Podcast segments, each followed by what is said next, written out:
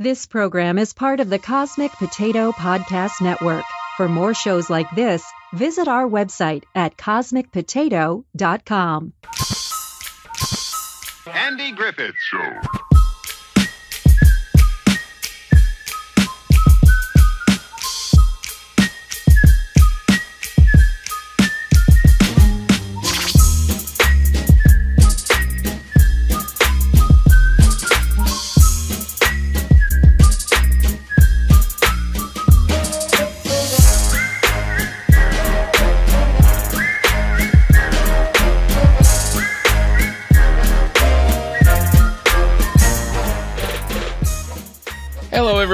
Welcome to the very first episode of the Mayberry Files. My name is Sean Ray, and we're going to get into talking about what this show is in just a minute. But first, I want to introduce uh, my co host. We have Troy Wood from the World War G podcast, which is available right here on CosmicPotato.com. Troy, how's it going? Uh, pretty good, thanks. What we're doing here, this is called the Mayberry Files. It is files with a PH. and uh, we're going to do an episode by episode rewatch of the Andy Griffith Show, and and that is uh, a hefty undertaking because there's there's over 200 episodes of the show, so we'll be- we'll be at this for quite some time. But um, I wanted to start th- this episode being the first episode. This is I'm calling this episode zero zero uh, because we're actually not going to be covering an episode of the Andy Griffith Show. We're going to be covering the backdoor pilot that they did on the Danny Thomas Show. Uh, the name of the episode was Danny Meets Andy Griffith. But before we get into it, I thought we would talk about a little bit of our history uh, with the Andy Griffith Show.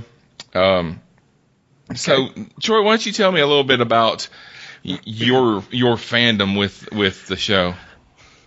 Well, um, I've been watching the Andy Griffith Show for, geez, as long as I can remember, um, because I was growing up. I was a uh, I was a latchkey kid, Mhm. and so pretty much TV was was my friend. Um, and so I saw a lot of old TV shows. I watched, you know, obviously Andy Griffith. I watched Dick Van Dyke Show. I watched Mary Tyler Moore Show. I watched Bewitched. I watched Brady Bunch. I Love Lucy. On and on and on. Uh, all in the Family, The Jeffersons. I watched them all. Um, and so yeah, I'm I'm really familiar uh, with the show. Well, uh, up until it got to color, dropped off a little bit. But uh, I'm looking forward to watching those again. Some for the first time. Even though I, I watched all those old TV shows, there's something about the Andy Griffith Show and just just the the innocence of it and the uh, the easygoing nature of it. I don't know if it's because it, it takes place in you know Mayberry, this this uh, fictional southern town, but I don't know. Even shows like I Love Lucy and Dick Van Dyke Show and and uh, those kind of programs, even though they were very family friendly, they always had I don't know they they just never had that that never felt like they had that innocence that the Andy Griffith Show had. Yeah. Yeah. Yeah, I grew as I was growing up. I watched a lot of old TV too because you know I would get home from school and there was always cartoons on, and I would watch cartoons until about four thirty, five o'clock, and they would stop, and then Yeah. and then the news would come on. So it's either you watch the news or you flip over and watch something on one of the cable channels, and it was usually old black and white TV shows or something like that. But Nick at Nick at Nite. That's what I watched. yeah, Nick at Nite. Yeah, I watched a lot of Nick at Nite when I was a kid because there was a lot of when I was eight, nine, ten years old. There was a lot of stuff on just regular network TV I wasn't allowed to watch. You know, Yeah. so we would we would flip over and just watch what we were allowed to watch, which is old TV shows. But um, my biggest memory with the Andy Griffith Show is when I was uh, growing up, especially in the summer. I would have to stay at my grandmother's house all day because my parents were at work. And uh, my grandfather had a routine like clockwork. He got up every morning at like four o'clock. He ate breakfast and then he just he went outside and just did whatever. You know, he had Yeah. some he had some animals he would take care of. He would work on old uh trucks and old uh, machines and things like that. But every Mm-hmm. day at 12 o'clock, he came inside and ate lunch and watched I Love Lucy and the Andy Griffith Show. They came on back to back every weekday. and and we would watch it with him, you know, because it was they had one TV in the house, so you either watched that or you didn't watch anything. you know? Right. Yeah. But yeah, I fell in love with the Andy Griffith Show. Um, and then as I got older, you know, we got cable at our house, and I found that some of these old TV shows was they were just uh, cheap programming for TV for stations to show. You know, so um, the Andy Griffith Show was on five or six times a day on different Right. on different channels. You know Yeah. and it was not usually the same episodes. And you know, uh, one channel would would show like a season one episode, and then you'd flip over, and another channel showing like a season five episode or something like that. But Mm-hmm. but yeah, so I there was a there was a point where you could you could watch Sandy Griffith's show almost all day long if you wanted to. But um, but yeah, the, it, the what I love about the show is that it's just it's a simpler time. Yes. Grant, granted, it's it's really an exaggerated an exaggeration of a simpler time because these characters are exaggerated and they act more foolishly than most real people would. But there's aspects of all these characters that I saw in the people around me. I grew up in the South. I grew up Right. I grew up further south than where the show took place, you know. Most people in my part of in my part of the country don't consider uh, the Raleigh Durham area of North Carolina to be the South. That's ba- that's basically the North. That's about as north as the South can get. Sure. yeah. So, um, and Mayberry was based. An- Andy would never actually admit to it, but Mayberry was based on his hometown of Mount Airy, North Carolina. Mm-hmm. And na- now they actually have like Mayberry days that you can go and they have a parade and they have uh, a lot of the stores have changed the names of their stores like there's a there's a Floyd's barber shop and and uh, Weaver's department store and all that kind of stuff and they have a replica of the courthouse That- I mean the show was shot in Los Angeles but Yeah. but you can go to a replica of the courthouse and take your picture and all that kind of stuff but Yeah, there's a there's a great channel on on YouTube um, done by a guy named Adam the Woo.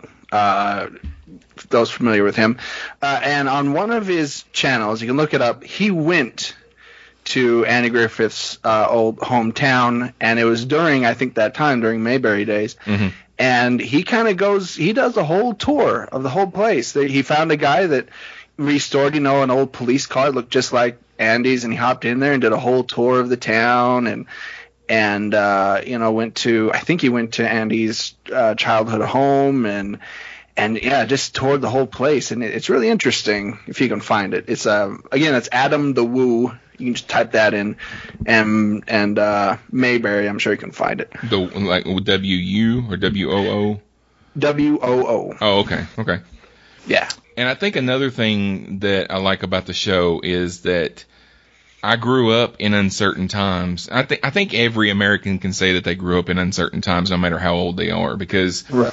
um, every time I turned on the news when I was a kid, it was the Cold War, you know, and then when I got older, it was the Persian Gulf War, and then as, Right. when I became an adult, it was 9/11, you know.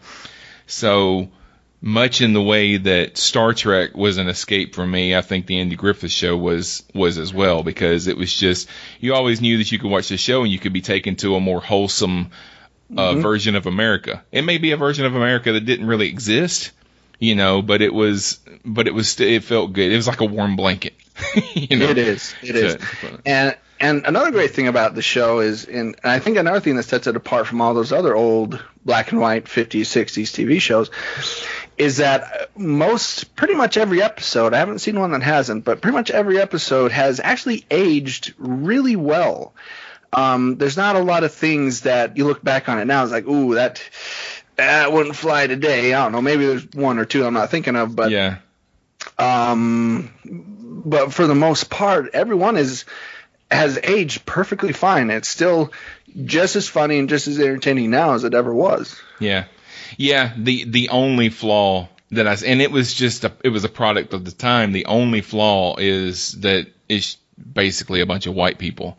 You- Right. right. Yeah. That's Yeah, yeah, about it. I mean, th- there's you can see you can find pictures online where you can see that there were people of different colors that were walking around in the background of some shots. But basically, the first time that a uh, African American person had a speaking role on the show was way into the color episodes. It was like the season because they went to color in season six. So it was either six, seven, or eight. There was an episode where Opie gets to meet this professional football player that I can't remember the name his name off the top of my head. But that was the first time that an African American appeared on the show in a speaking role, you know. So Wow. and that Yeah. was way, way into the series. But like I said, it was a product of the time. A lot of the old black and white shows like that uh, were, were the same way, you know. So, but um, so what we're gonna do is, as I said, we're gonna do an episode by episode watch and review of the Andy Griffith Show. We're gonna start here tonight. We're gonna move our way through the end of the series, and my my idea is to eventually get to Mayberry RFD and uh, you know, and a couple of other things. We're not going to go into Gomer Pyle USMC. That's just that's too much. Right. Yeah. Agreed. But, because there's 249 episodes of the show, and our plan right now is is to review two per month. You know, Right. So we'll be done in a decade or so. give or take. Give Yeah. or take. So, um, all right. So the episode that we're talking about tonight is not an episode of the Andy Griffith Show, as I said before. There was another show on TV in the 50s and 60s, originally called Make Room for Daddy. Uh, they changed the name of it to the Danny Thomas Show at a, in around season three or four or something like that.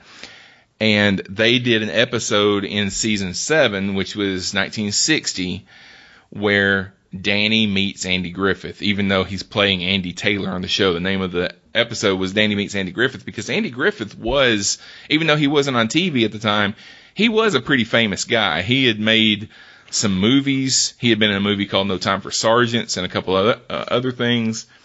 And uh, he did a lot of um, kind of the way in the 90s they made a lot of sitcoms that they gave them to to uh, stand-up comedians like uh, Yeah. Home, Home Improvement was you know Tim Allen's show and Jerry Seinfeld had a sitcom you know that kind of stuff well they were doing the same thing back then and they gave it they wanted to give a show to Andy Griffith um had other than this episode had you ever seen the Danny Thomas show before No, um, I had heard of it.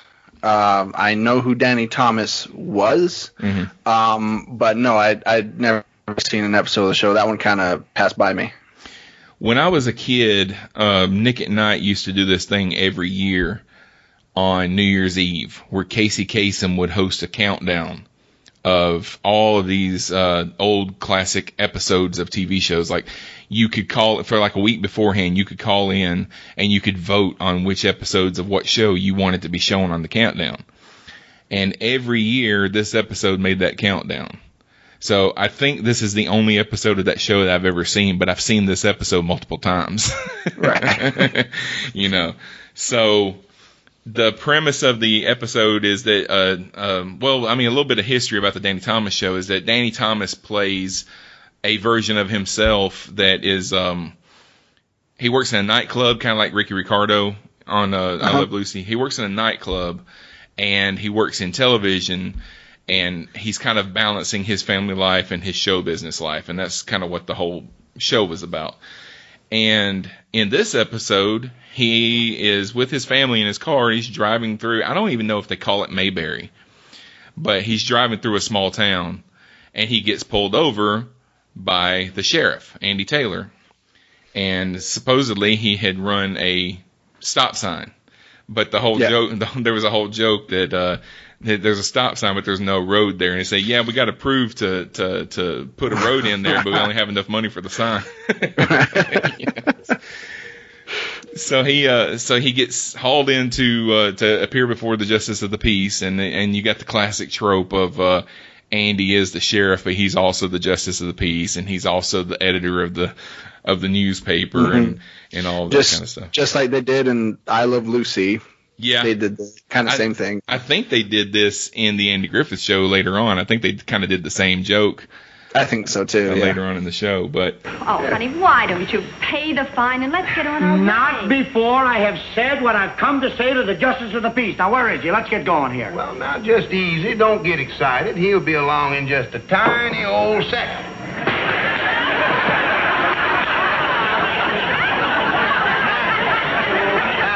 In order. What's your complaint? This whole thing is a farce. If the sheriff who arrested me and the judge who tries me are the same man, how am I going to get a fair trial? Why, the fairest trial in the world. After all, now, just tell the truth. Who is in a better position than me to tell whether that fine, tall, honest, good-looking young sheriff of ours really does tell the truth? So uh, so what what were your thoughts on that? What are your thoughts on this episode? What, I mean, it's it, it- it's kind of the same as the Andy Griffith show, but it's a, but it's a lot different too. It is. It's a lot different. Um, I was wondering how big of a star Andy was at the time because when he appears, when he comes out of the police car for the first time, he gets a big pop from the crowd. Mm-hmm. Yeah. Picked on the wrong guy.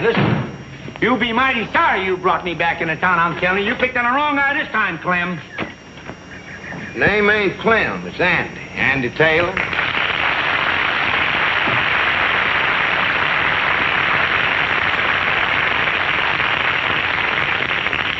from the audience there. Like he gets a lot of applause. So I think, oh, he's people know who who he was at the time. Um, so yeah, I was wondering about that. Uh, also, what I found, what I just going through this episode, um, there's a lot of really, really funny lines.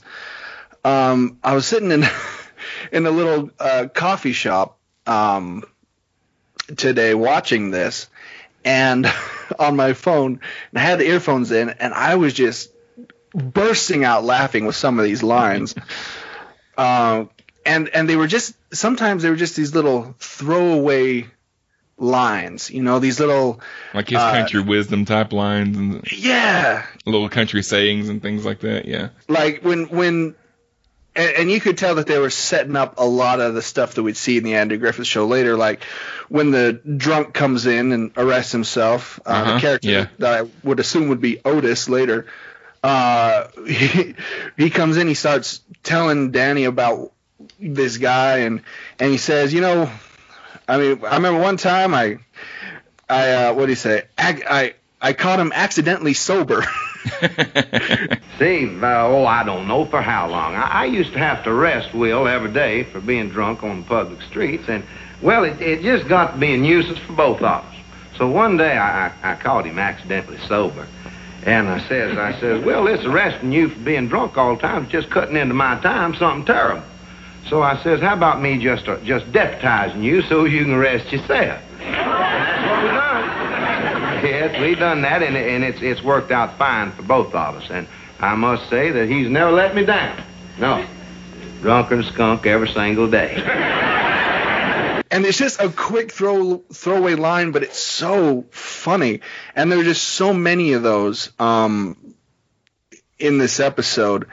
Um, like like uh, Danny says right right at the top. I think Andy. I forgot the line Andy says before, but Danny says, "You want to ad lib with me, Hayseed?" Yeah. Have your driver's license? Yeah, you can have my driver's license, and you'll kindly take a look at my name. You'll discover that I'm Right. somebody. Well, you know I you know I knew that the minute I laid eyes on you. Huh? Yes, sir. I never seen a car yet that wasn't being driven by somebody. So do you want to ad lib with me, Hayseed? Honey, why don't you stop arguing? and it's it's and I I was wondering if that was maybe an actual ad lib from Andy because I don't know if that time if you heard the term ad lib a lot on TV. Yeah. So I was wondering if maybe that was an actual improv from Andy himself.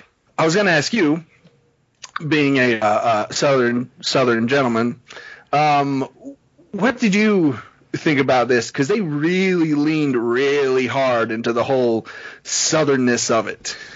Andy, especially in this episode and in the first season of the uh, of the the actual Andy Griffith show, they portray him as being very southern. You know, Yes. he has a lot of uh, a lot of mannerisms and a lot of the, the things that he says that, like I said before, it's an exaggeration. Now, There, there are people in the part of the country where I live that that have very heavy. I have a I have a southern accent. There are people out there that have southern accents to the point that uh, you probably wouldn't understand what they're saying. you know? No, I, I actually I lived in the South for two years, Oh yeah. and so yeah, I, I ran a, I ran across a couple where it took me a second. You're like, what did you just say? Yeah. But yeah, Yeah, because you know you got different parts of the South has got different different dialects as well. You know, you know, but uh, but Andy, he played it up because he, if you ever heard him in an interview, he didn't really talk like that. You know, he oh yeah, he had a southern accent, but it wasn't that thick. But the his his shtick when he was doing his albums and his stand up and and uh, the theater shows that he was doing at the time, um, he played this character that was very hayseed like, you know, Mhm. and Yes. that and he was he was famous for that. And that's what they were wanting to make a show out of. He had a way of telling stories in a way. Like I sent you that recording of the what it was was football. That Yes, one, of- one of the most famous stories that he's known for, where he's telling a story about going to see a football game, but he had never seen one before, so he thought that they were just it was a bunch of uh, people fighting over a pumpkin, you know, for pumpkin. Yeah. across Yep. a cow pasture that had lines painted on it. Yeah. And about the time I got set down good, I looked down there and I seen 30 or 40 men come running out of one end of a great big outhouse down there. they did. And everybody where I was a setting got up and hollered. And about that time, 30 or 40 come running out of the other end of that outhouse, and the other bank full, they got up and hollered. And I asked this fellow that was sitting beside of me, I says, friend, what is it that they're hollering for? Well, he whopped me on the back and he says, buddy, have a drink. well, I says, I believe I will have another big orange. But that was the kind of stuff that he was famous for. And so the idea of this show that they wanted to do was going to be him basically telling stories about the people that live in the town, you know. And I've I've heard interviews with Andy saying that if we if we had stuck with that, the show probably wouldn't have lasted one season. You know, we had we we eventually turned it into something else, but um but yeah, th- there was a there were a couple lines in this uh, episode that really jumped out at me, like uh, when uh, Andy Andy told Danny, uh, Well, I reckon you can tell the justice of the peace if you want to. Well, I reckon I won't do.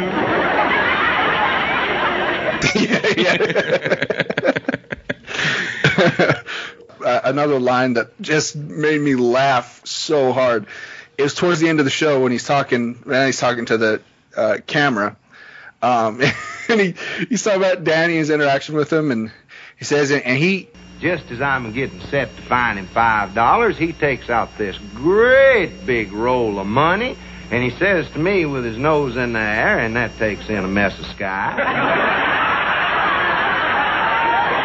yeah, and they're just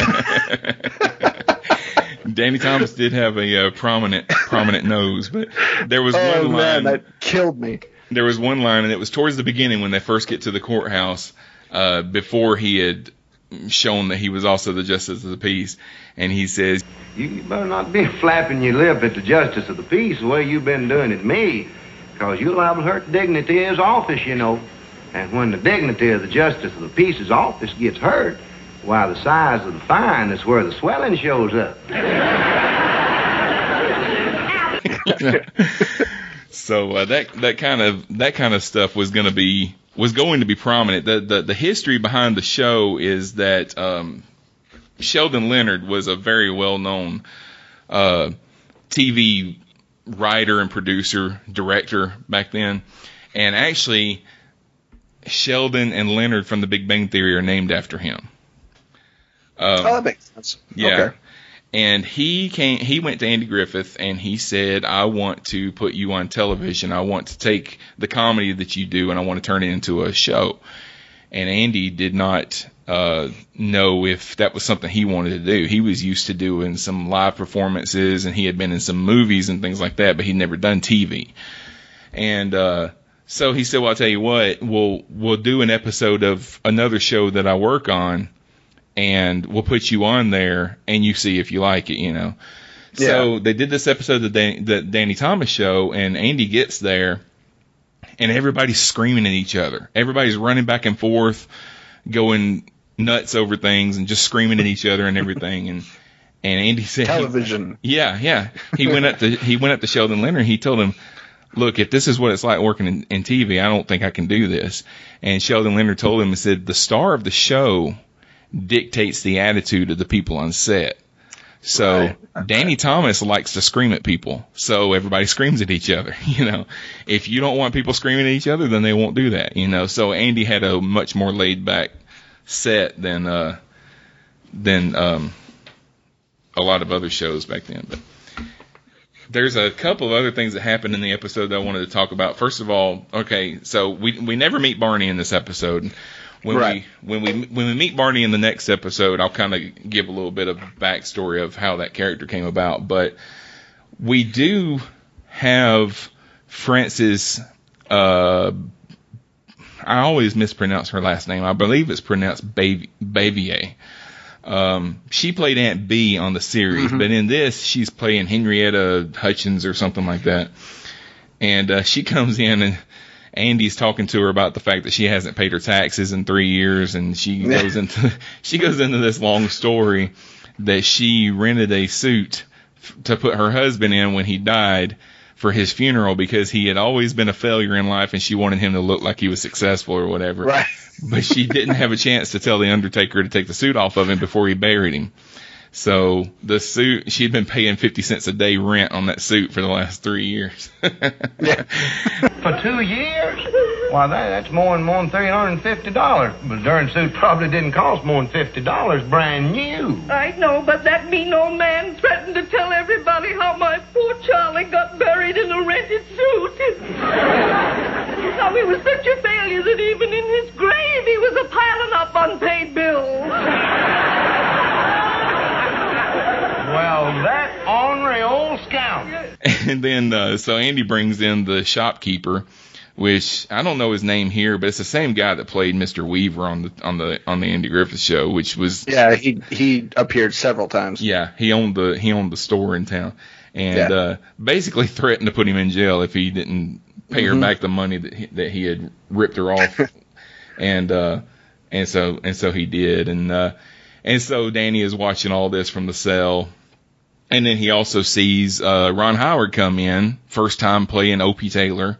hmm And, you know, I've heard a lot of people talk about Ron Howard's portrayal of Opie and say that he wasn't a very good child actor because he, uh, he screamed all of his lines and stuff.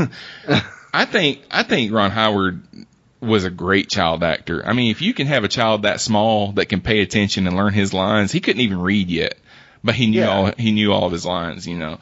I you know I, I totally agree with that and and he got he got better as he got a little older in later seasons but Yeah. man you want to see a horrible child actor and my and my brother and I make fun of this guy all the time this kid uh Richie from the Dick Van Dyke show Oh yeah, yeah. Holy crap, that kid was terrible. You're talking about screaming all your lines. He did that the entire series.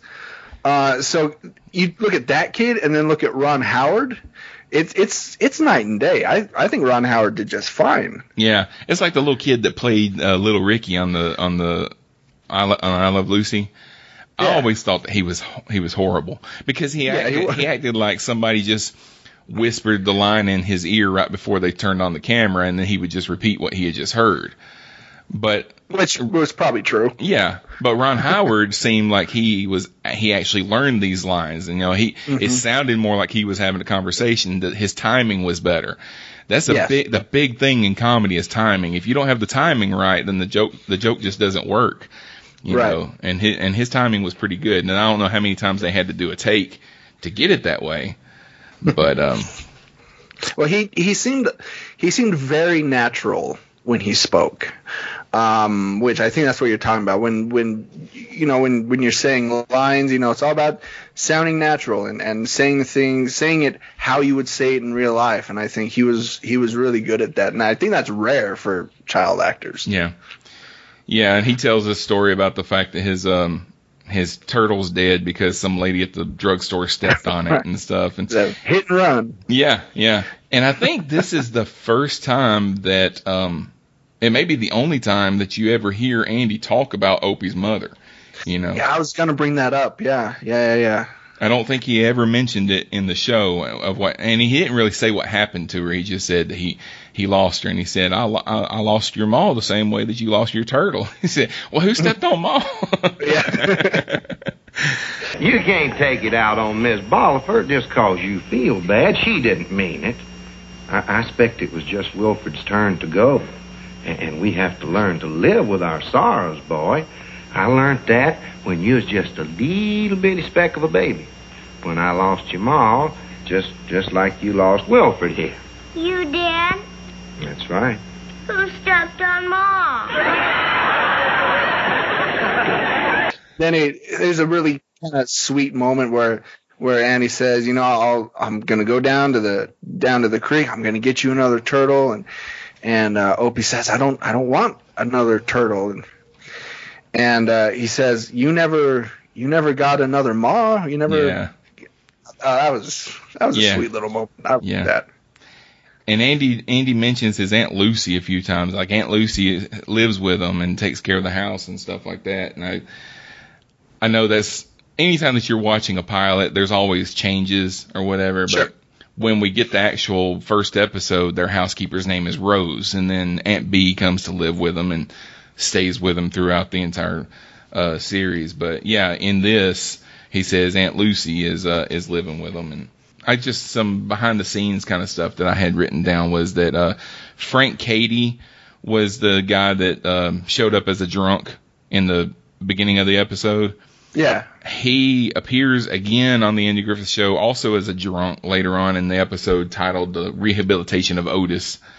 That's pretty much it. So all the other stuff that I had written down, we kind of brought up as we went. See, this was very, um, very sit uh, sitcomish, very sitcom-y. Yeah, Um, whereas you know the Andy Griffith Show proper was not. Um, you know, there's a lot of like holding for laughs and and playing to the crowd, and you know, like the sign on on Andy's desk that said "Sheriff and Justice of the Peace" was facing towards the crowd so you can get the joke in and all that. Um, oh, there's there's a great little sight gag that um they don't really play up too much, and it's several times while Danny Thomas is in the cell, he just opens the door and just walks out yeah, and just talks to Andy.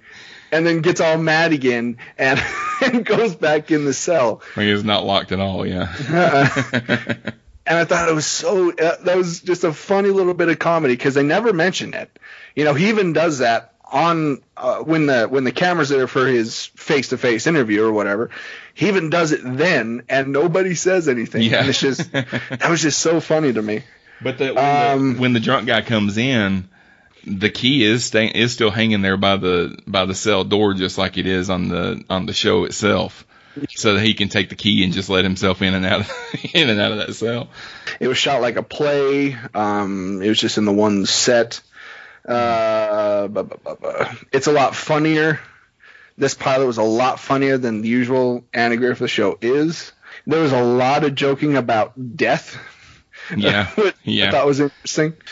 Uh, yeah, I mean, other than that, you know, they really set up uh, what the Andy Griffith show would become. I mean, like you said, had all all those actors that appeared would be in the Andy Griffith show. They talk about Sarah, the operator. hmm yeah. Um, they do they do mention Mayberry once.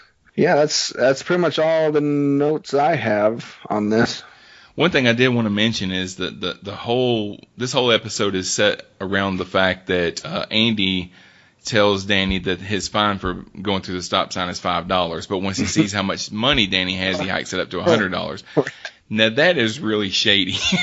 Yes. I I don't blame. And uh, John sent me a me- John was supposed to be on this episode and he couldn't make it, but he uh, sent me a message right before the show that said, "By the way, I agreed with Danny until the end when Andy made his little speech and whatever." I would be mad too if he saw how much money I had and he started hiking up the fine, you know. Yeah. Yeah. And one of the things that I think would be fun uh, going along with this podcast, and there's another podcast uh, uh, based on the Andy Griffith Show. There's really not that many. I was surprised when I had the idea to put this together because, like, you know, I do a Star Trek podcast. And there's about 50 million Star Trek podcasts Sure. out there, but Sure, uh, yeah. but for as far as the Andy Griffith Show, there's really only four or five. Oh, and wow. uh, yeah, and there's one. So we're getting out on the ground floor, I guess. But um, there's one that I think is called Breaking Mayberry or something like that.